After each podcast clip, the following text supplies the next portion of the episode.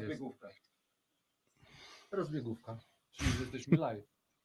Ale że już teraz jesteśmy. Ale jak nam wyszło, ja nie wierzę, że to się jeszcze wydarzyło. Ale to w ogóle jest Będziemy- dzisiaj, to będzie, trzeba to opisać, wiesz? Tak, Na case'ie. Absolutnie, absolutnie, bo to jest w ogóle zdradzimy, e, słuchaczom, ale jak to wyszło. To... dobre 30 lub 40 minut e, pracy, tak? I co? I nagle się Dobre udaje, roboty. czyli my mamy nową, po, dzisiejszej, po dzisiejszym starcie w ogóle mamy nową rozbiegówkę Tak. i nowy e, case, co dotyczy stara, s- dobra robota. Tak? Nic nie rób, rób dopiero w ostatniej minucie. było, było tak, że byliśmy już prawie, że wszystko prawie działało, tylko y, y, w momencie nie naciska jeszcze jednego guzika. Czyli wtedy witaj się z gąską, ale najlepiej zacznij, Ale tak, trzymaj ten proces. Zacznij- przywitaj. czyli trzymaj do ostatniej minuty, no to dobrze. Ja to myślę, że to Piotrek w ogóle, wiesz, tak Tak, zdziałał nasz gość, bo to po prostu tyle lat w branży IT, ja swoje lata w branży IT, po prostu siła sugestii, nie? Działaj, tam. zadziałaj. Ku zaskoczeniu wszystkich. Tak jest. To jest niesamowite. To przeżyliśmy, no ale co mam zrobić? No zrób dokładnie to samo, co ja. I działa. Dobra, słuchajcie, rozbiegówka. Zaraz nasz e, już jingle, do którego się przyzwyczailiśmy i zaczynamy audycję z kolejnym naszym gościem, której się już e, doczekać po prostu nie możemy. Dzień dobry, mówią nam też słuchacze. Jest już Ola. Mam nadzieję, że za chwilę też e, coraz większa ilość słuchaczy.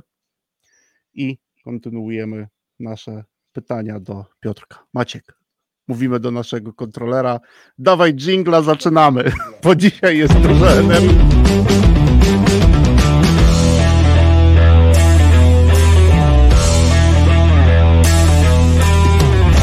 W Radiu Algorytmia w każdy piątek o 3.12.48 sekund w pobudzający, przyjemny sposób rozmawiamy o pożytecznych rzeczach w zarządzaniu i sprzedaży.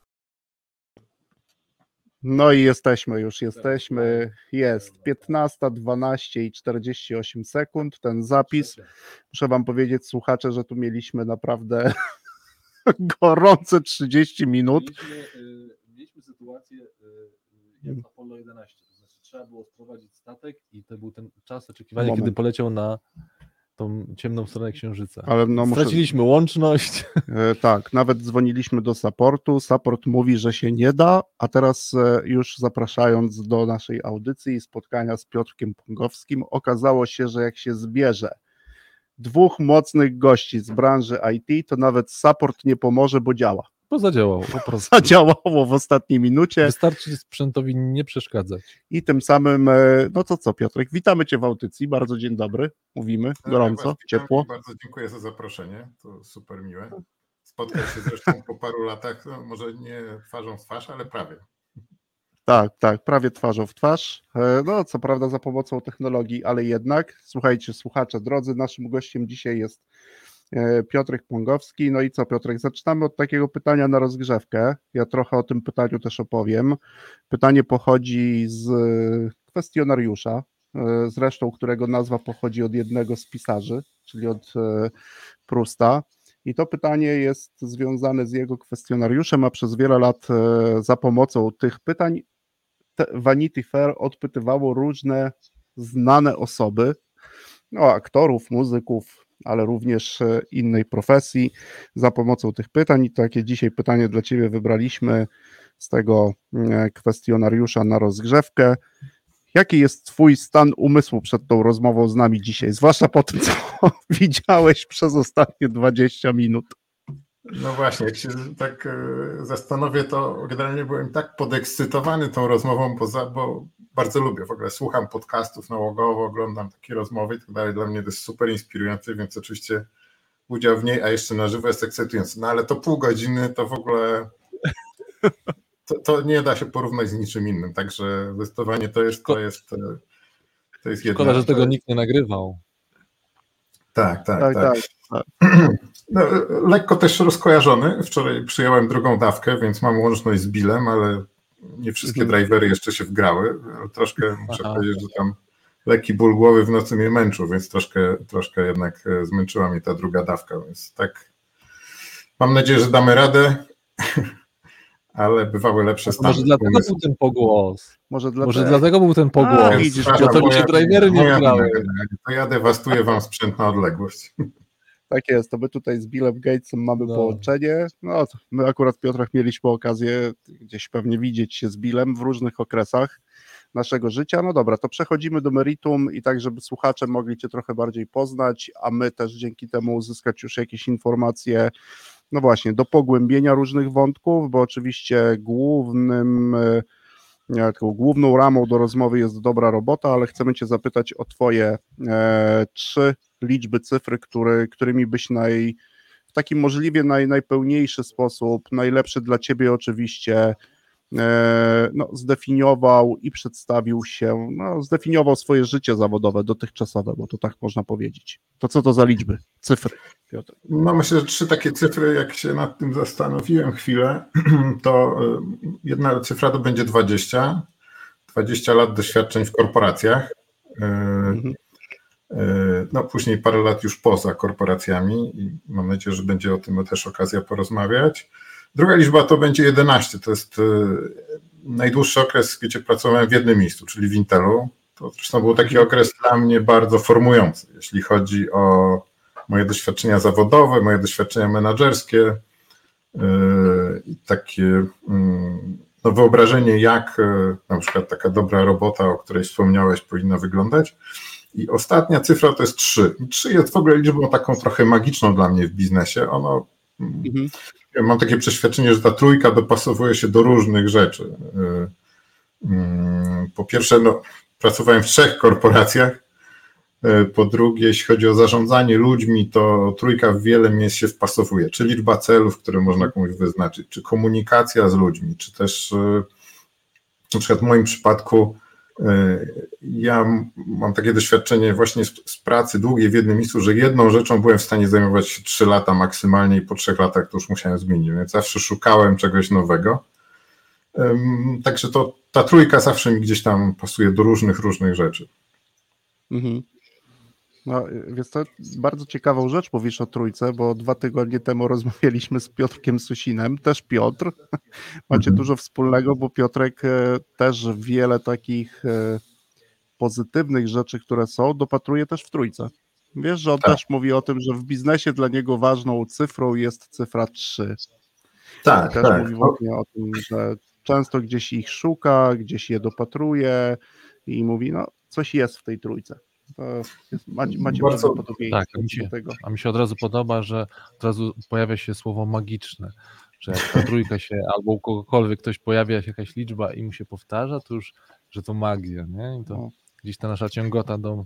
No, Jest trochę, tak, tak, numerologii, to numerologii ciągota, ale rzeczywiście mm, czego byśmy się nie dotknęli. Jak na początku pracy w Intelu robiłem bardzo, bardzo dużo prezentacji. W zasadzie głównie, zresztą przez trzy lata moja praca sprowadzała się do robienia prezentacji i zawsze starałem się tą komunikację w miarę tak uprościć, żeby ludzie, którzy słuchają tego, byli w stanie coś wynieść. No i na końcu doszedłem do tego, że tak naprawdę właśnie jeżeli robimy prezentację, idziemy przez te kolejne slajdy, to na każdym slajdzie tak naprawdę można przemycić trzy jakieś tam wi- wiadomości. I na końcu prezentacji ludzie też nie zapamiętają więcej niż trzy kluczowe rzeczy. Więc zawsze te prezentacje były trochę takie trzy na trzy. E, Tak jak mówię, trzy lata w jednym miejscu, potem e, potrzeba zmiany. Pierwszy rok to jest taki okres nauki, drugi rok to jest e, czy rozpoznania, drugi rok to jest szybka nauka, trzeci rok to jest naprawdę jakaś, jakiś poziom wydajności, który osiągasz w tym, co robisz i efektów. W czwartym roku zaczynają się pojawiać elementy rutyny i, i dobrze, jeżeli następują jakieś zmiany wtedy, bo można e, tą motywację odzyskać i, i szukać nowych rzeczy. Także ta trójka w wielu, wielu miejscach się pojawia. No myślę, że tutaj mie, mie, Mhm. mielibyście dużo wspólnego do rozmowy. Piotr też zawsze właśnie szuka gdzieś e, tej trójki. No ale tak jest w niektórych, każdy, ja nawet często jak prowadzimy gdzieś i pytamy właśnie o trzy liczby, które cię najlepiej definiują e, zawodowo, to zawsze właśnie to, co Konrad też powiedziałeś, pojawia się jakaś liczba, e, która na przykład związana jest ze skutecznością tego, co e, wcześniej przez bardzo długi czas e, robiliśmy. My nawet kiedyś jadąc pociągiem mieliśmy taki wątek, e, sprawdzaliśmy różnego typu narzędzia, które wiesz, poznaliśmy i okazało się, że bardzo często tam występuje nie trójka, a czwórka, czyli są jakieś cztery po sobie następujące czynności. Cztery kroki. Cztery kroki, cztery rzeczy, które musisz zrobić w sekwencji, która no, przynosi określone rzeczy. Chyba z ciekawości wrócimy do tego i poszukamy, czy nie ma e, kogoś, kto, kogoś, kogoś, kogo to pytanie już na tyle zaintrygowało, że przyjrzał się. Znaczy w ogóle ta magia liczb, tam pamiętam, że nas interesowała, no bo to nie zawsze była też czwórka, czasami było, że trzy kroki, czasami cztery, Mhm. pięć, bywało, że sześć, bo też znamy takie narzędzie, ale w ogóle, że to gdzieś ta tendencja do tego, żeby to zamknąć w jakiś, e, no właśnie, że to jest jakaś albo jakaś czteropolówka, Tak, tak, albo że... Lubi, lubimy, sobie lubimy sobie w ten sposób e, no, jakby uprościć. Uporządkować rzeczywistość. No Mhm. właśnie, uporządkować lepsze słowo niż uprościć. No dobra, to mamy Piotrek twoje trzy e, e, liczby, cyfry. No właśnie, jakbyś tak jeszcze przez chwilę, za czym przejdziemy do tych rzeczy, trochę powspominał i wrócił do czasów Intela, bo to chyba naj, najdłuższy twój kawałek czasu. Jak ty sobie tam radziłeś z tymi trójkami, jak co trzy lata trzeba zmieniać? No to tam trochę przesiedziałeś. To wychodzi z tego, że jednej trójki nie, nie dokończyłeś. Tak, tak, tam no rzeczywiście tak, no do 12 lat zabrakło trochę czasu, jakaś burza tu przyszła niestety.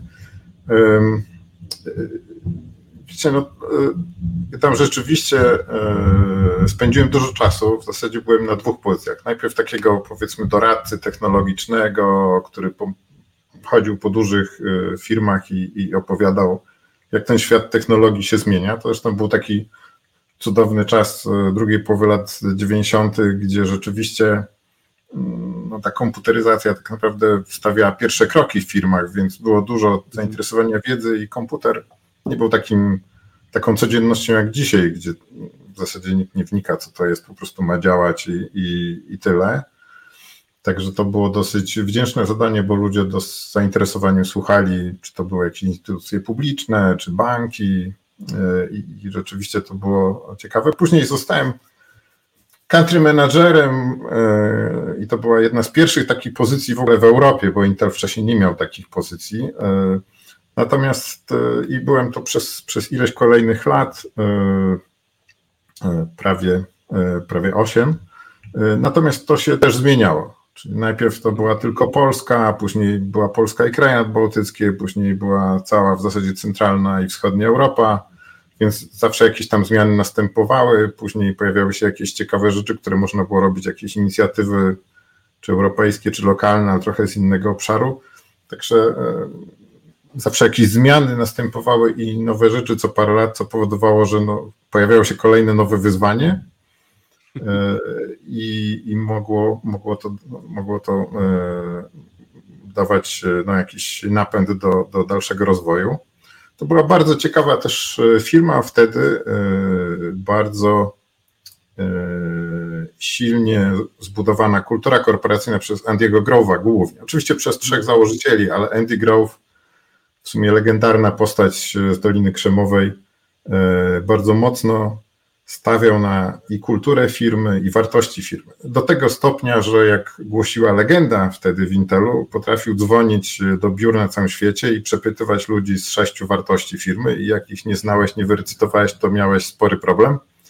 Więc na przykład ja do tej pory pamiętam te wartości korporacyjne Intela, natomiast nigdy nie nauczyłem się już tych, które były w Microsoftie czy w HP, dlatego No, że to tam nikt nie stawiał i nie akcentował tego tak bardzo, a tutaj to był nieustający Jak proces. brzmi czwarta- Jak brzmi czwarta reguła, zasada? Ja nie pamiętam kolejności, ale tam było, wiesz, dyscyplina, jakość, great place to work, y, orientacja na wyniki, orientacja na klientów y, i mm, już nie pamiętam, to może akurat wyleciała mi ostatnio, ale y, także to nadal te rzeczy są dosyć y, utrwalone, tak, utrwalone. Mhm. Natomiast jakbyś mnie spytał o wartości Microsoftu, nie pamiętam. Ja kilka. Ale jakieś były. Były, były, były. Były, były, No, tak, no, oczywiście. Tak, tak. Piotkiem razem. One zresztą, e, powiedzmy, kultury korporacji amerykańskich nie różnią się tak znacząco między sobą, e, także one były do pewnego stopnia zbliżone i procesy, które są w firmie, w sensie, nie wiem, ocena pracowników, onboarding, e, e, szkolenia i tak dalej, one są do pewnego stopnia podobne w tych firmach. Oczywiście w szczegółach się różnią. no bo charakter biznesu, pozycja rynkowa i tak dalej różnią się od siebie i skala i jakby rozpiętość biznesu różnią się od siebie, więc tam zawsze jest inaczej, natomiast kulturowo te firmy nie są tak bardzo odległe od siebie. Tak, to mogliśmy zauważyć, bo faktycznie ja co prawda w HP nie miałem okazji pracować, tak jak ty Piotrek, ale w Microsoftie pracowaliśmy razem. No i chyba każda korporacja ma kilka swoich wartości, o których bardzo często rozmawia. No dobra, ale twoje, twoje życie zawodowe to oczywiście nie tylko e, korporacje. To gdybyś teraz miał tak e, agregując e, wszystkie miejsca, w których pracowałeś, w których pracujesz teraz, bo teraz prowadzisz też E, własną działalność, o której też pewnie porozmawiamy, ale takie pytanie o, no, nasze ulubione pytanie o ERKI. Najczęściej rezultaty, które realizowałeś, za które byłeś odpowiedzialny i indywidualnie, ale również z zespołami i za które dzisiaj jesteś odpowiedzialny, to no i teraz cię pociągnę, nie zaskoczę cię. Gdybyś miał wymienić trzy takie najczęściej osiągane rezultaty, to co to za rezultaty? Jak lubisz trójki, to dawaj. No wiesz, zawsze podstawowym, e, znaczy w tych firmach były akcenty na różne rzeczy rozłożone, w których pracowałem, także niekoniecznie jest to spójne, ale oczywiście e, zawsze byłem po stronie sprzedaży jednak, więc te rezultaty finansowe i cele sprzedażowe, no to dosyć powtarzalny motyw. W, w, w, firmach, w korporacjach pojawiają się także cele miękkie. Te cele miękkie są związane albo z osiągnięciem jakichś celów jakościowych, albo Mm, albo nie wiem, jakąś realizacją projektów e, tego typu. Nie są to cele czysto sprzedażowe, e, jak choćby, jak pamiętasz, udział na przykład rynkowy przeglądarki Microsoftu, czyli Internet Explorera świętej pamięci. E, więc tego typu cele też się pojawiały. No i na końcu cele związane z organizacją, czyli na przykład i w mhm. Microsoftie, i w HP mieliśmy badania satysfakcji pracowników. I, i cele stawiane przed menadżerami czy przed liderami organizacji były też powiązane z wynikami, e, to się nazywało Work Health Index, czy tam w drugiej firmie się nazywało troszkę inaczej w gruncie, czy to było to samo 100 pytań, więc cele związane z, e, z zespołem i zdrowiem tej organizacji, no to też są istotne elementy, które w dużych organizacjach się pojawiają. Mhm, dobra, mamy to Teraz e, to co, to, co jeszcze wyróżni, odróżniało te trzy duże organizacje, w których pracowałem, to był jakby horyzont tych celów. Czyli w Intelu na przykład były cele kwartalne i one były rozliczane kwartalnie i nie było takiego na poziomie krajów przynajmniej budżetowania na przykład rocznego. W Microsoftie, jak pamiętasz, były cele roczne i również bonus był płacony rocznie i to wszystko miało taki okres e, roku finansowego zresztą, bo on nie pokrywał się z rokiem kalendarzowym, a na przykład w HP były cele półroczne i co pół roku było rozliczenie celów e, zarówno twardych, jak i miękkich, z tym, że znowu na przykład w Intelu te cele miękkie miały istotną wagę, w Microsoftie powiedziałbym, że tak pół na pół, a w HP prawie się w ogóle nie liczyły, tak naprawdę cele finansowe były najistotniejsze i definiowały wszystko. No to bardzo ciekawa perspektywa sobie popatrzeć na te elementy. Zbliżamy się Piotrek do naszego pierwszego, pierwszej przerwy i pierwszego setu muzycznego. E, za chwilkę, e, za chwilkę wracamy po pierwszej przerwie muzycznej i będziemy kontynuować naszą rozmowę o rezultatach.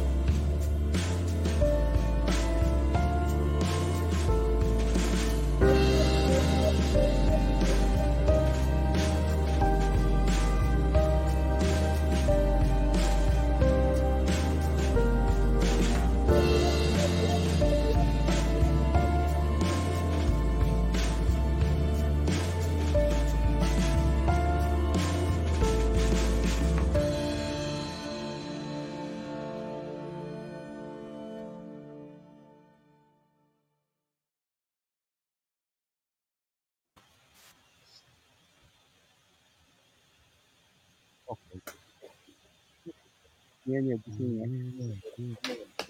To, to, to, to, albo to oczekiwać i ja sobie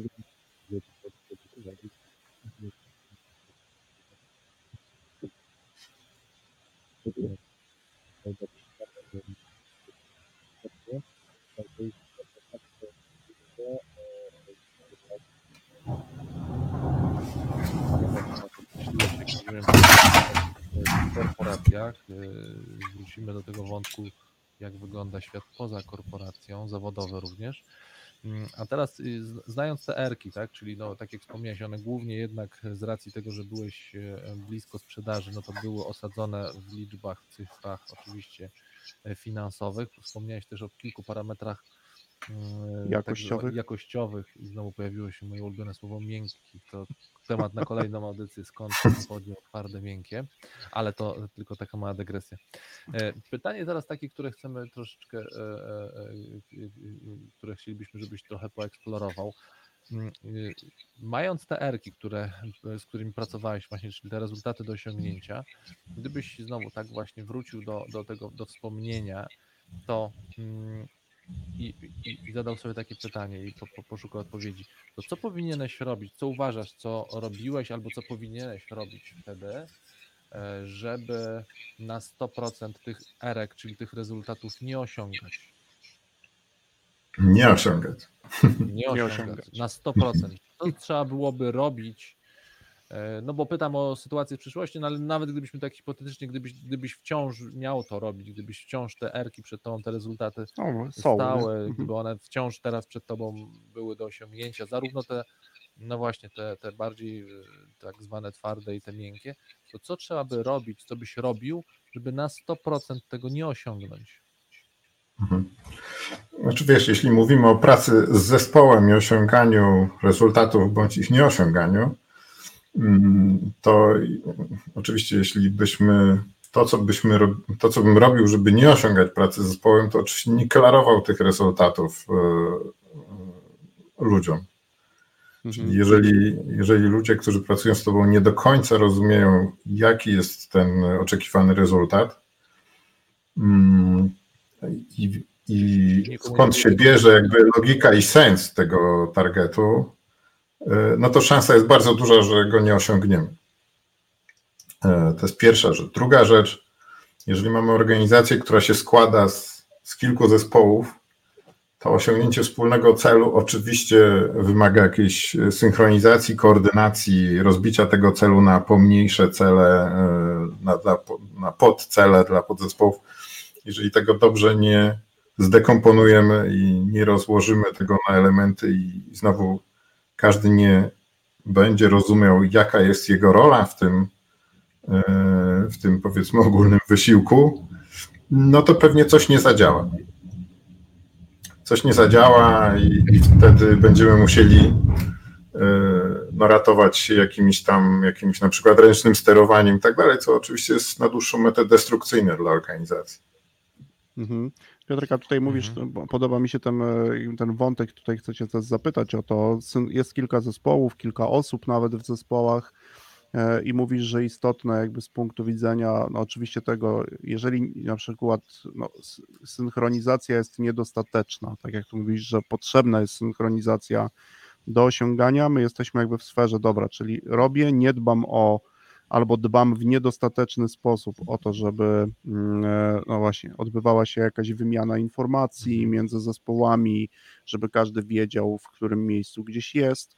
No to właśnie gdybyś miał ten wątek pociągnąć, to co taki menadżer powinien e, robić? No to wiesz, mamy na scenie swojego menadżera, do które, któremu podpowiadamy. Co powinien robić, żeby no właśnie przepływ informacji pomiędzy różnymi zespołami był na tyle dobry, by pozytywnie wpływał na realizację, czy też na osiąganie rezultatów. Mhm. Znaczy, chcę wrócić do tego, co powiedziałem, czyli wyklarowanie celów.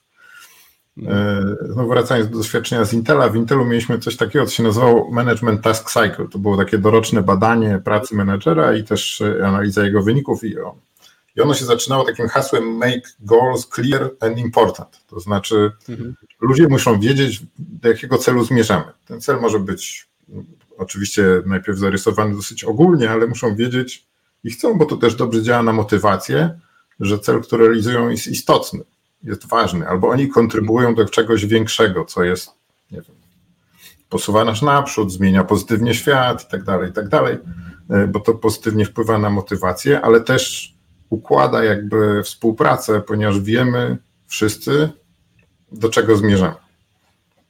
E, jak to mówi jeden z moich e, tutaj guru motywacji, kajak płynie szybciej, jak wszyscy wiosłują w jedną stronę. Mhm. Więc to jest istotne. Co więcej, nie wystarczy powiedzieć to raz to trzeba po prostu powtarzać regularnie, e, dlatego że e, proces e, przyswajania pewnych informacji, pewnych celów i rozumienia, on trwa, a co więcej, u różnych osób trwa w różnym czasie.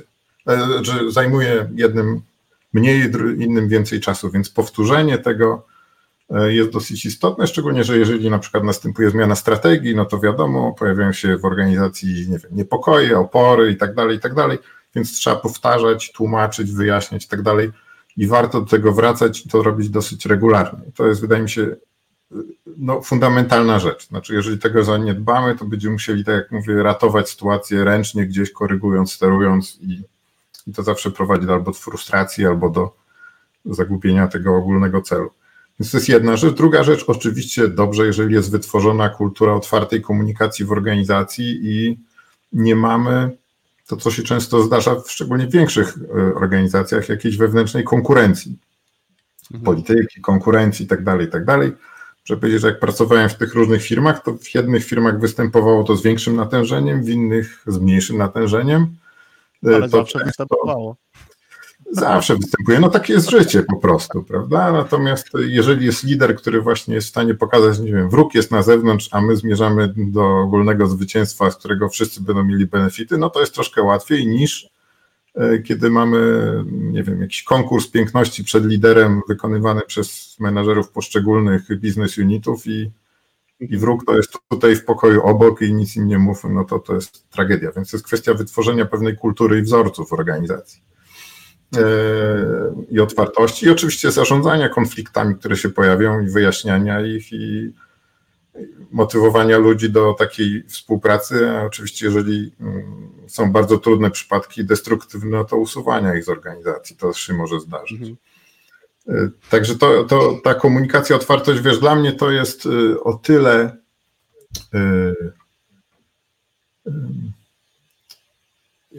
o tyle dosyć oczywiste, że na przykład Intel bardzo mocno na to stawiał i to jakoś było mocno zaimplementowane w firmie. To znaczy w Intelu mm, było powiedzmy dosyć ostra komunikacja akceptowana, e, jeżeli ona była skierowana nie, nie na osobę, tylko na biznes, to i, i ta była promowana taka otwartość, e, plus możliwość eskalacji przez parę poziomów i tak dalej w firmach, które później pracowałem, niekoniecznie tak było. Co więcej, ta ostra komunikacja też nie zawsze była akceptowana, bo jak przyszedłem do Microsoftu i napisałem list e, maila e, w stylu intelowskim, to potem miałem taki coaching z menadżerem w Microsoftie przez pół godziny, że takich maili w Microsoftie się nie pisze. E, kiedy w Intelu było to zupełnie akceptowane. A możesz, Piotrek, taki jak ze dwa czy trzy zwroty podać z takiego maila, tak z czystej ciekawości, no, bo to już tak tylko... to jest not acceptable, krótko mówiąc, i że ktoś robi robotę, która jest not acceptable i do tego jest e, słaba, no ogólnie, a tam było parę, tam powiedzmy z 10 czy 20 osób na kopii było tego maila, więc... E, Aha. Więc tak szczerze się wypowiedziałem, co ja myślę o tym, co robimy i dlaczego to jest źle. Natomiast nie było tam personalnych znowu wycieczki, ty jesteś, nie wiem, głupi, głupia i tak dalej, tylko to, co jest robione, jest po prostu do niczego i trzeba to zmienić. I w Intelu, y, no, taka była kultura, że to było generalnie akceptowane. Może dlatego, że właśnie y, y, Andy Grove sam był taki, że po prostu orał ludzi dokładnie i drążył temat, też znalazł problem. Więc ta kultura kaskadowała w dół, natomiast w innych firmach no nie zawsze to dobrze było przyjmowane. No właśnie, poruszamy taki dość istotny wątek, że nawet przechodząc sobie z firmy do firmy, trzeba przez chwilę w niej pobyć, tak, by zobaczyć, no właśnie, w jaki sposób tam no chociażby rozmawiamy ze sobą, mhm. komunikujemy. Ja oczywiście taką komunikację wprost też bardzo lubię, natomiast czasami w niektórych e, e, takich bezpośrednich kontaktach, na przykład z dyrektorami sprzedaży, potem gdzieś też dostaję feedback, wiesz, z zewnątrz mówi, wiesz, u nas to tak wprost to nie. Musimy No raczej właśnie popracować jakimiś pytaniami, e, trochę jednak niektóre rzeczy no, tak powiedzieć delikatnie i miałem już kilka takich też e, i, i często one się również zdarzają, mimo tego, że też często pytam o to, e, w jaki sposób, no właśnie, chociażby rozmawiacie ze sobą o wynikach, bo o wynikach też trzeba umieć rozmawiać, a zwłaszcza o pracy, którą wykonujemy, do tego, by no, jakby te wyniki się e, pojawiły. I też reasumując, tutaj ciekawy też ten wątek, że regularnie trzeba powtarzać, tak? Regularnie powtarzać, do czego my dążymy, dlaczego chcemy to osiągnąć, a gdybyś miał, no właśnie, a taka wprost odpowiedź, co zrobić, by na 100% nie zrobić, to zakomunikować cele raz. Na Na początku. przykład. I jeszcze nie do końca je wy, wyjaśnić. Tak, pojawia się cały na biało prezes lub wiceprezes, mówi słuchajcie, w tym kwartale Tak.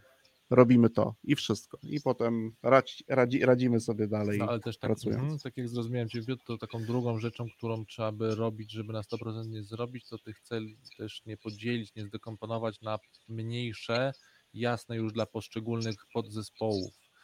Podzespołów mam na myśli zespołów, które wspólnie współpracują. Znaczy one oczywiście raz, jeśli już idziemy tą metaforą, porównaniem kajaka, no wiemy gdzie płyniemy, ale no na przykład płyniemy drużyną kajaków, to, to po pierwsze, w dodatku w każdej drużynie jest kilku członków Mhm. e, takiego e, kajaka, no i teraz e, wszyscy, no oprócz tego, że jeden kierunek, no to jak na przykład mamy się komunikować, jak synchronizować naszą pracę. Tak, tak.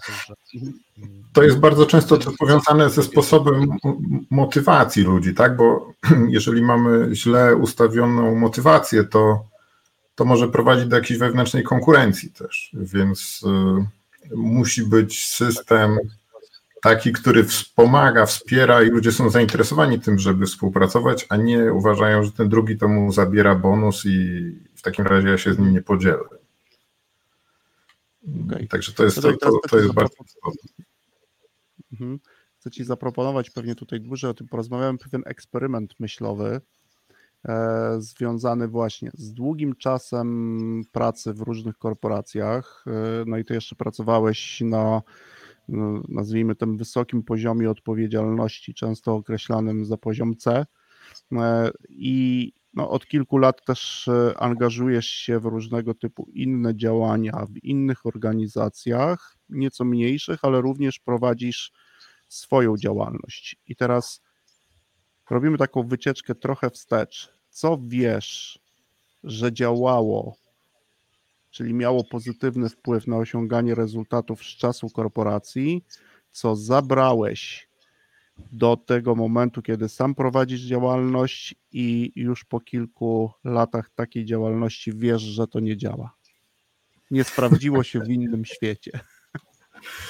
No wiesz, to jest e, ogromny przeskok, bo z, e, wiesz, z wielomiliardowych e, korporacji czy z setek milionów dolarów sprzedaży tu lokalnie w Polsce, jak porównamy to z biznesem, który dzisiaj prowadzę, czyli de facto dwuosobowa firma i, i taki rodzinny biznes, e, no to wiele rzeczy, gdy- gdybyśmy próbowali sobie zaimplementować, by nie zadziałało, z tym, że myśmy świadomie ich nie implementowali, czyli Okay. mamy takie podstawowe nasze motto, to ma być fajnie po prostu, czyli nie stawiamy sobie celów, które będą nas stresowały.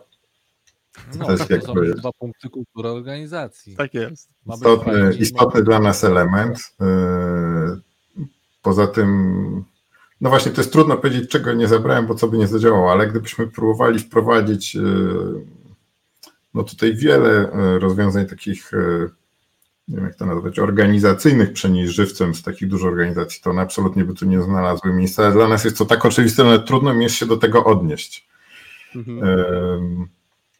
Także to jest chyba aż e, zbyt, zbyt odległa przestrzeń. E, Natomiast e, staramy się oczywiście swoje umiejętności, bo oboje mamy doświadczenia z branży IT i z pracy, nie wiem, z partnerami i tak dalej, implementować e, w tym, co robimy na dzisiaj i wykorzystywać. Także I to, to wydaje się, że się sprawdza. Zawsze mogło być lepiej, szybciej i więcej. No tak jak mówię, ma być fajnie, więc staramy się nie nakładać jakichś stresujących celów po to, żeby tam się katować na koniec miesiąca czy kwartału. No to jak Konrad zauważyłeś, to są już dwa bardzo ważne punkty kultury organizacyjnej tej małej firmy, tak? Czyli ma być fajnie i cele mają być albo no te cele biznesowe przede wszystkim nie stresujące was przede wszystkim, tak? No Czy wiesz, no prowadzimy biznes y, nieco ponad dwa lata. Y, y, w zeszłym roku przyszła pandemia, która wywróciła biznes trochę do góry nogami, w sensie takim, że odwróciły się o nie wiem, 90% źródła przychodów, czy kanały, skąd pojawiają się przychody. Szczęśliwie tak to się wydarzyło i pewnie mieliśmy tutaj trochę mądrości, a bardzo dużo szczęścia, że wyszło to na plus, tak sumarycznie. Natomiast no, to jest za krótki okres i też dosyć gwałtowny, żebyśmy mieli jakikolwiek benchmark do przeszłości, powiedzieć, no to teraz 20% więcej, albo teraz to 50% więcej, bo dwa lata temu biznes wyglądał kompletnie inaczej niż wyglądał w zeszłym roku. No teraz dopiero mamy rok, który możemy jakkolwiek odnieść do zeszłego, chociaż też nie jest to takie proste. Mhm. Dobra. Czas na drugą przerwę muzyczną. E, chwilkę odpoczniemy i wracamy w trzeciej części już za chwilę po przerwie muzycznej.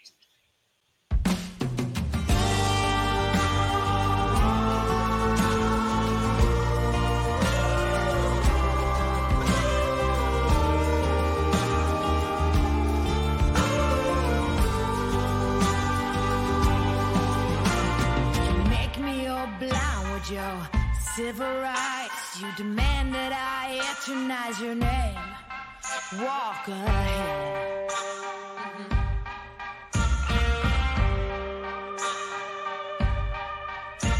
You cover us in shame, I take the blame. Living by the rules to which high school blues walk ahead.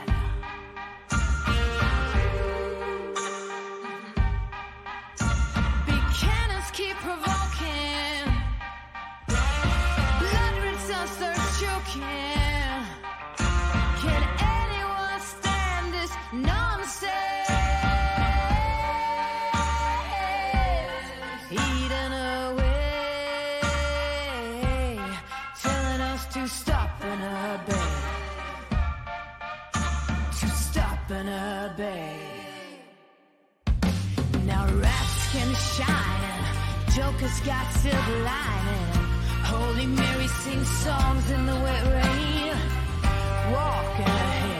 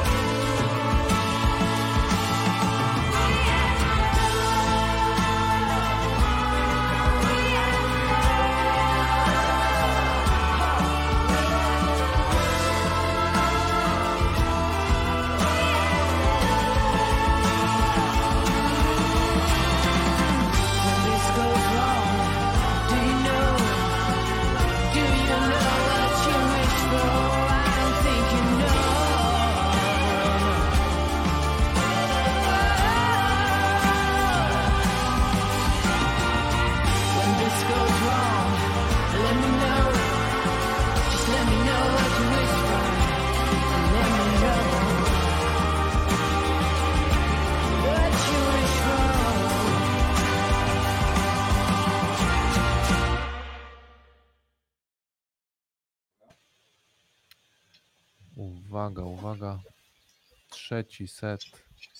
Nie, drugi set muzyczny, trzeci set rozmowy. Rozmowy, tak jest. Ym, Wiesz co, Piotr, już tak, nam się też ta trójka magiczna spodobała, więc znowu o trzy rzeczy cię popytam. O Proszę cię, żebyś trzy rzeczy, gdybyś tak miał właśnie zsumować troszeczkę to, to swoje doświadczenie korporacyjne, plus nawet jeśli w nieco specyficznych warunkach, jakim jest oczywiście sytuacja pandemiczna i te dwa lata y, działalności własnej, to teraz gdybyś miał, sumując właśnie tą wiedzę, odpowiedzieć sobie na takie pytanie sobie, ale też takiemu menedżerowi, wiesz, bo tutaj my taką na, na, w naszym radiu zapraszamy na, na, na widownię takiego menedżera, któremu różne osoby różne rzeczy szepcą, szepcą na ucho. In plus I- oczywiście. In plus. I teraz gdyby on tak miał twój szept posłuchać, taki, no tro, tak, trochę z perspektywy pewnej porady, ale Też to- doświadczonego menadżera. doświadczonego Mhm. menadżera, takiej porady, trochę dla siebie, ale też trochę dla tego naszego menadżera.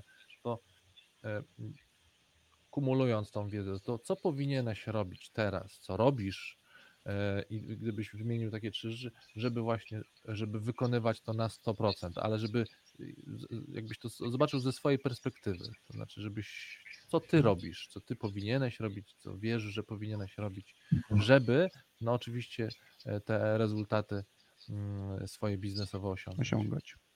Mhm. Znaczy, no, teraz jest oczywiście sytuacja dosyć specyficzna, no bo jesteśmy rozdzieleni i nie, często nie pracujemy w biurze razem z ludźmi, więc to jest, to jest inaczej niż zwykle. Mhm. E, I na pewno ta komunikacja w zespole i komunikacja między zespołem a menadżerem jest, e, jest pewnym wyzwaniem. E, Więc ja osobiście, gdybym miał teraz duży zespół, to bym bardzo mocno stawiał na to, żeby tą komunikację animować i poświęcać jej dużo uwagi. Po to, żeby albo rozładowywać napięcia, albo właśnie dbać o to, żeby wszyscy rozumieli, co w tej chwili jest ważne, do czego zmierzamy. Druga rzecz to jest taka e, e, kwestia motywacji i tam, a oczywiście w motywacji jest bardzo wiele aspektów, natomiast e, moje doświadczenie w budowaniu zespołów zawsze sprowadzało się trochę do tego, że trzeba być jednak ojcem porażki, czy też odpowiedzialnym za porażkę, a sukcesem to się raczej dzielić. I Zawsze, no, bardzo często oczywiście, jeżeli menadżer jest otwarty na feedback i na, na problemy, no to staje się taką ścianą płaczu. Więc jeżeli ktoś przychodzi porozmawiać, to on czasami przychodzi, żeby się podzielić sukcesem, ale raczej yy, ja miałem przynajmniej takie doświadczenie, że większość osób przychodziło do mnie z problemami. No i, i to oczywiście jest rola menadżera, żeby się w takie rzeczy angażować. Natomiast jeżeli osiągamy sukces, yy, no to te, te sukcesy to muszą być dzielone z ludźmi, albo w ogóle wyróżniane powinny być osoby, które je realizowały, bo, no bo to motywuje i to wiąże z zespołem, więc to jest Wiesz co, super. na, na chwilkę się przy tym zatrzymam, bo powiedziałeś rzecz, którą no, powiedziałeś, że dla ciebie to było, no, brzmi oczywiście, ale moim zdaniem to takie oczywiste nie jest, że jednak do menadżera przychodzili, przychodziły do ciebie osoby podzielić się porażką. E, To zaciekawiło mnie z tym bardzo, a czy wiesz, co takiego robiłeś, że e, czy też robisz, że ludzie jednak z tym przychodzą? Bo moim zdaniem to nie jest wcale takie oczywiste, że ludzie się z tym otwierają. To Tak jest. coś, no właśnie. Nie, nie, nie, to oczywiście, że nie, bo to różnie e, menadżerowie reagują. No, ja też dostawałem taki feedback, że, że ja jestem bardzo otwarty na właśnie taką informację zwrotną, również na mój temat. Aha. E, Co więcej, w, w Intelu, no, oczywiście wiele osób do mnie przychodziło, ale miałem jedną taką koleżankę, która na początku, jak zostałem country managerem, to regularnie mi robiła takie sesje, gdzie brała mnie do sali i mówiła, że jestem raczej słabym menadżerem, mówiąc delikatnie i nie używając słów takich, jakich Tak, ona to była używa. komunikacja wprost. Y, I taka bardzo komunikacja wprost. I oczywiście to skutkowało jakąś tam nocą nieprzespaną i tak dalej. Natomiast, y, natomiast ja z tego bardzo dużo czerpałem i starałem się to poprawiać i i widziałem jakieś tam pozytywne skutki tego, więc nauczyło mnie to otwartości na taki feedback negatywny, który wcale nie jest łatwy do przyjęcia i oczywiście on wyczerpuje emocjonalnie i tak dalej. No ale mm, dzięki tej otwartości chyba też nie było bariery, żeby ludzie przychodzili i mówili, no mamy problem mamy problem, pomóż, albo mamy problem, co tu zrobić, albo mamy problem, trzeba eskalować wewnątrz korporacji, szukać pomocy albo nie wiem, pieniędzy, wsparcia i tak dalej, więc to jakoś się udawało. Mm, to jest, wydaje mi się, no, krytyczne, chociaż oczywiście czasami bywa trudne. Natomiast to powoduje, że ludzie bardzo mocno yy, no, wiążą się z zespołem w ten sposób. To powoduje, że ludzie chcą pracować z tobą. Yy, I ja tak zresztą postrzegałem wartość bycia menedżerem czy liderem organizacji, gdzie wartość takiej pozycji jest raczej we wspieraniu ludzi, a broń Boże nie w ich zastępowaniu. I to nie jesteś od tego, żeby się okazać mistrzem sprzedaży, pójść i sprzedać tam, gdzie twój sprzedawca sobie nie radzi. No, czasami się taka sytuacja zdarza, ale to raczej traktować należy jako wyjątek od reguły. Natomiast trzeba dostarczyć mu narzędzia, środki, możliwości i tak dalej, żeby on poszedł i to zrobił, no bo to jest jego rola. Yy, I, I, jeśli się mu nie powiedzie, to żeby było, żebym miał ten komfort, że przyjdzie i powie, no jednak to nie zadziałało, może wymyślimy wspólnie coś nowego. E, albo po prostu się nie udało i mamy problem. E, a propos komunikacji wprost, mam prośbę techniczną, jakbyś troszeczkę kamerkę e, na siebie, tak żeby nie widać było sufitu, bo to nie chodzi o to, że sufita, tylko że mniej ciebie widać. Tak. O, I szybka komunikacja wprost. I to wracam do pytania. W stylu Intela. W stylu Intela. A trzecia rzecz, no bo ja ci troszeczkę przerwałem dopytując o to, no bo bardzo mnie to zaciekawiło, jak to robiłeś, że ludzie do ciebie przychodzili porażką, czy też w ogóle omawiać porażkę, co moim, e, to co jeszcze też temu szczególne. Co, mhm. Tak, to szczególne, to co jeszcze temu menadżerowi byś szepnął, no bo prośba była o, o, o trzy rzeczy. Hmm. Znaczy, a propos porażki, czy w ogóle a propos. Nie, nie, a propos tego, no bo pytanie, ja wracam do tego pierwotnego pytania, czyli co powinieneś robić, zbierając, kumulując całą swoją, e, mhm. swoje doświadczenie, e, aby na 100% robić i prosiłem o trzy rzeczy. Wspomniałeś o tym, że to, co byś poradził takiemu menedżerowi, czy też sam byś teraz robił, to na pewno animował komunikację, to znaczy że z racji tak. też pandemicznej, tak. żebyś mocno na to podkreślał. Drugie, no to, że wciąż byś był, y, wciąż działałbyś tak, jak działałeś, czyli żebyś był otwarty na, na przyjmowanie informacji i robienie takiej przestrzeni na to, żeby ludzie przychodzili zarówno z porażką, e, czy też z jakąś informacją o tym, że się coś nie wiedzie i mhm. Pomóż.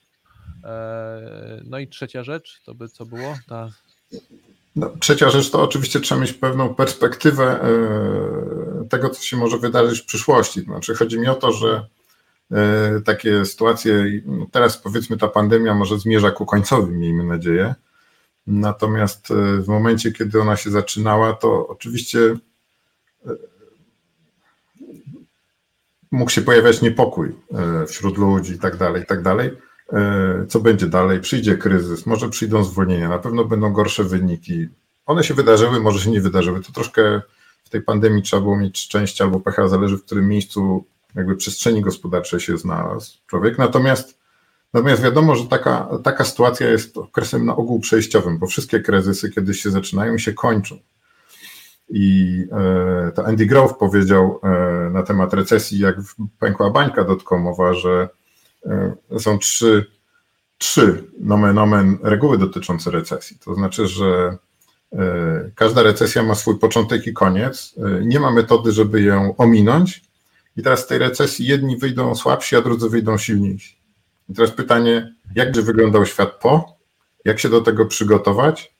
E, jak zmotywować zespół, żeby pracował na to, co może być, e, może się okazać sukcesem po, po tej pandemii. Zawsze jak miałem sytuacje kryzysowe, które mogły wynikać z różnych przyczyn w organizacjach, to zawsze raczej starałem się właśnie no, obrać sobie jakiś tam punkt na horyzoncie, który już będzie e, po tym okresie i, i, i kierować organizację w tym kierunku, żeby, bo wiadomo było, że ten okres przejdzie. Nie wiem. Zdarzyły się cięcia, zdarzyły się cięcia pozycji w firmie, więc oczywiście zwolnienia ludzi, no to powoduje niepokój pozostałych i tak dalej. To wiadomo, że się skończy i działamy dalej. Kiedyś ogłoszono w HP, że to taki eufemizm jest, rozpatrzymy opcje strategiczne dla działu PC, w którym kierowałem. No to ludzie myśleli, że to już koniec, zamkną nasz dział, zwolnią na wszystkich i tak dalej. No to, to się nie wydarzyło. Natomiast trzeba zebrać zespół, żeby on przestał plotkować w kuchni i wziął się do roboty, bo pracujemy dalej. No, jakby karawana jedzie dalej. Wiemy, że pewnie nie zamkną z jakichś tam przyczyn i musimy patrzeć trochę poza ten krótkoterminowy kryzys, który nas dotknął i zresztą nic się z niego nie wydarzyło. Także to jest chyba dosyć istotne. Wiesz, jeżeli masz taką firmę, jak ja mam dzisiaj, czyli nieduża dosyć firma y, kosmetyczna, no to, y, bo co Andy Grove jeszcze powiedział a propos w zasadzie czwarta reguła dotycząca recesji, o tym nie powiedziałem, to, to tak naprawdę wyjściem z tego są innowacje, to znaczy y, wyjściem z recesji. Na pewno nie, nie obniżki cen, rabaty i tak dalej, to działa krótkoterminowo, natomiast trzeba pokazać coś nowego, innowacyjnego. No i to, co my tutaj robiliśmy w zeszłym roku i nadal robimy, to pracujemy nad nowymi produktami, które przyciągną nowych klientów, nowe obszary i tak dalej, i tak dalej. Tak pracujemy w Biapie. Mm, tak zresztą było w Intelu, jak pękła bańka dotcomowa, Intel zwiększył nakłady R&D. Jeżeli mamy to w zakresie swoich możliwości decyzyjnych, to super. Jeśli nie, to czy możemy wprowadzić innowacje organizacyjne, e, innowacje w zakresie, nie wiem, obszaru klientów, z którymi pracujemy, którzy stają się bardziej atrakcyjni w wyniku takiego kryzysu, po to, żeby spojrzeć perspektywicznie i zobaczyć, gdzie możemy ten kajak przekierować i, i, i poprowadzić go dalej, po to, żeby ludzie znowu zobaczyli nowy cel i nowy sens w tym, co robimy. Mhm. Czyli jednym słowem też e, no, recesja powinna stymulować innowacje, tak? Jak w wielu miejscach to zresztą też widzimy. W wielu obszarach mi od razu przychodzi do głowy pomysł, chyba o którym już kiedyś mówiłem, czyli zamknięta restauracja, dochody, nawet sieć niemała nieduża sieć restauracji, wiesz, Piotrek, przychody na poziomie zero, bo taki był moment i to chyba w branży gastro było dość mocno ewidentnie, no jak sobie teraz poradzić z przychodem, który spada ci do zera, bo miejsca i punkty sprzedaży są zamknięte, nie wiedzieliśmy jeszcze do końca jak uruchomić online i nagle właściciel tej sieci restauracji wpada, z czego my słyniemy? Z mięs to co zrobimy? Zaczęli te mięsa sprzedawać w puszkach. I dzisiaj pewnie już po tym okresie pandemicznym, miałem krótką rozmowę na ten temat, on się raczej zastanawia, czy wrócić do restauracji, czy już nie zostać w, tak, w takiej produkcji rzemieślniczej i po prostu z tego, czego słynęli, e, słynąć będą dalej, tylko opakowanie się zmieniło i sposób dostarczania się zmienił. Nie? I to też tak, prawdopodobnie tak, tak może by to gdzieś zaczął robić, ale to też wymusiło e, jakby taką sytuację, która też jest. Zbliżamy się powoli do końca tej naszej części takiej na live. E, oczywiście w ekstrasecie zapytamy Cię jeszcze o to, mm, o co zapytają, zapytali Cię słuchacze. No i pociągniemy jeszcze wątek, e, no właśnie, ten wątek, który nieco zapowiadałem, czyli jak to jest być szefem, nazwijmy to ambitnych jednostek, no bo mieliśmy, byliśmy przez chwilę w tej mm, dla mnie wartościowej bardzo relacji, kiedy to ty byłeś moim szefem, a ja odpowiadałem za jakąś część, ale wtedy tak się to złożyło, że to nie tylko ja byłem pewnym indywiduum w tym zespole, tylko tam no, prawie każda osoba. Unikalny zespół, który wspominam do dzisiaj, ty byłeś jego istotną, istotną częścią. No, e, to było niesamowite doświadczenie, powiedziałbym, intelektualne. no, intelektualnie było nieźle to poskładane. To ja już mam gotowe pytanie. No tak, tak, to tylko zachęcam jakby słuchaczy e, do tego, że my mieliśmy taki zespół, gdzie jeszcze każdy indywiduum, jak sobie jeszcze przypomnę Mariusza, który miał okazję pracować ze Steve'em, nie, przez jakiś tam czas, to urosło to do takich i pracowaliśmy biurko w biurko, dużo rzeczy się działo. E, no właśnie, nawet gdybym miał tak podsumować i przysłuchuję się Piotr temu, co mówisz a propos tej stymulacji, komunikacji, utrzymywania otwartości w tym trudnym okresie. A ja mam refleksja do mnie przyszła, że chyba najbardziej mi brakuje, teraz jak pomyślałem o tym zespole, w którym razem pracowaliśmy, że często my tam mieliśmy takie momenty, gdzie incydentalnie, impulsywnie rozmawialiśmy o bardzo istotnych rzeczach. I myślę, że dla mnie w perspektywie ostatniego roku to jest to najtrudniejsze. Mi brakuje takich impulsywnych rozmów spotykamy się tak. na korytarzu i nagle jest super fajna 30-minutowa rozmowa o czymś, e, nawet tak jak ostatnio z Konradem mhm. e, o tym mówiliśmy, pojawia się zwrot i jest ten impuls i to jest taka rzecz. A na zakończenie już dosłownie Piotrek, z tego co mówiłeś, gdybyś miał wybrać taką rzecz najskuteczniejszą, dzięki której e, no właśnie osiągasz w perspektywie indywidualnej rezultaty, to która z tych rzeczy by była? Znaczy to zawsze jest zespół. Zawsze zespół. Ponieważ nikt samodzielnie nie jest, wiesz, omnipotęgą intelektualną i umysłową. To trochę nawiązując do tego, co wspomniałeś, to to znowu jest pewne wyzwanie w sensie menadżera i wcale niekoniecznie musi być łatwe, natomiast dobrze jest otaczać się ludźmi, którzy są od ciebie lepsi w pewnych aspektach, bo trzeba być świadomym swoich słabości i otaczać się ludźmi, którzy są super uzupełniają to, w czym ty jesteś słabszy. To oczywiście jest zawsze słabe, bo ja wtedy widzę, w czym rzeczywiście jestem słaby. Mhm. I to dla mnie było często powodem również frustracji, no ale to był mój problem osobisty. Natomiast jako zespół zawsze taka organizacja jest silniejsza. Ale to muszę ci powiedzieć, Piotr, to tak na koniec mogę to zrobić i trochę takich obserwacji moich, bo pamiętam jak na przykład intensywnie ty też i ja też w wielu miejscach na przykład uczyliśmy się online'u x lat temu, na przykład od Michała, tak? Tutaj wspomnę tak. Michała który był częścią naszego zespołu i on nas uczył. My wiedzieliśmy o tym, że my wielu rzeczy na, ten, te, na temat tego rynku nie wiemy i mimo, że to często wywołało, wywoływało frustrację, zresztą kilkukrotnie o tym rozmawialiśmy, to przypominam sobie, że potem do dzisiaj ja często korzystam z takich rzeczy, no, którymi my się w tym zespole wymienialiśmy, bo tam każdy od każdego uczył się obszaru, w którym sam niestety raczej był gorszy od tej osoby, nie?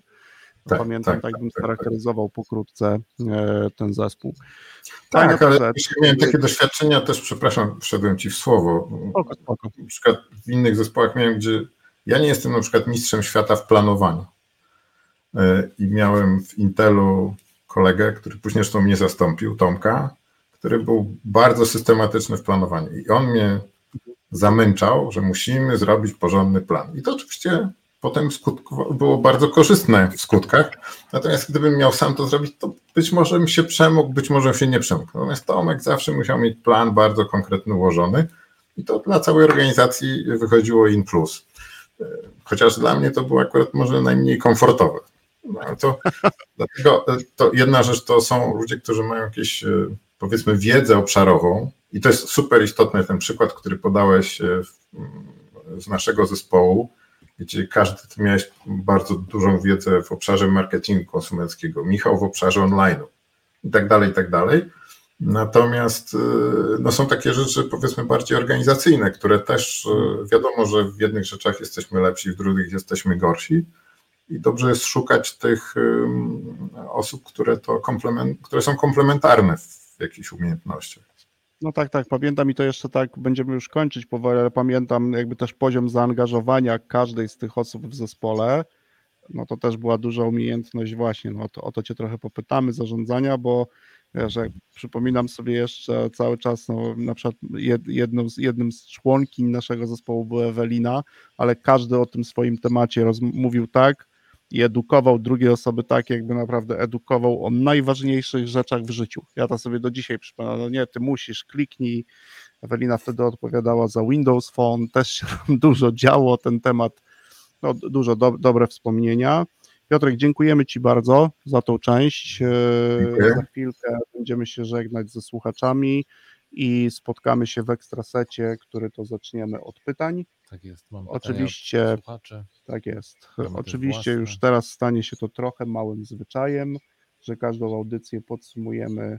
E, albo Asia podsumuje nie? tak, tak, takim Stary.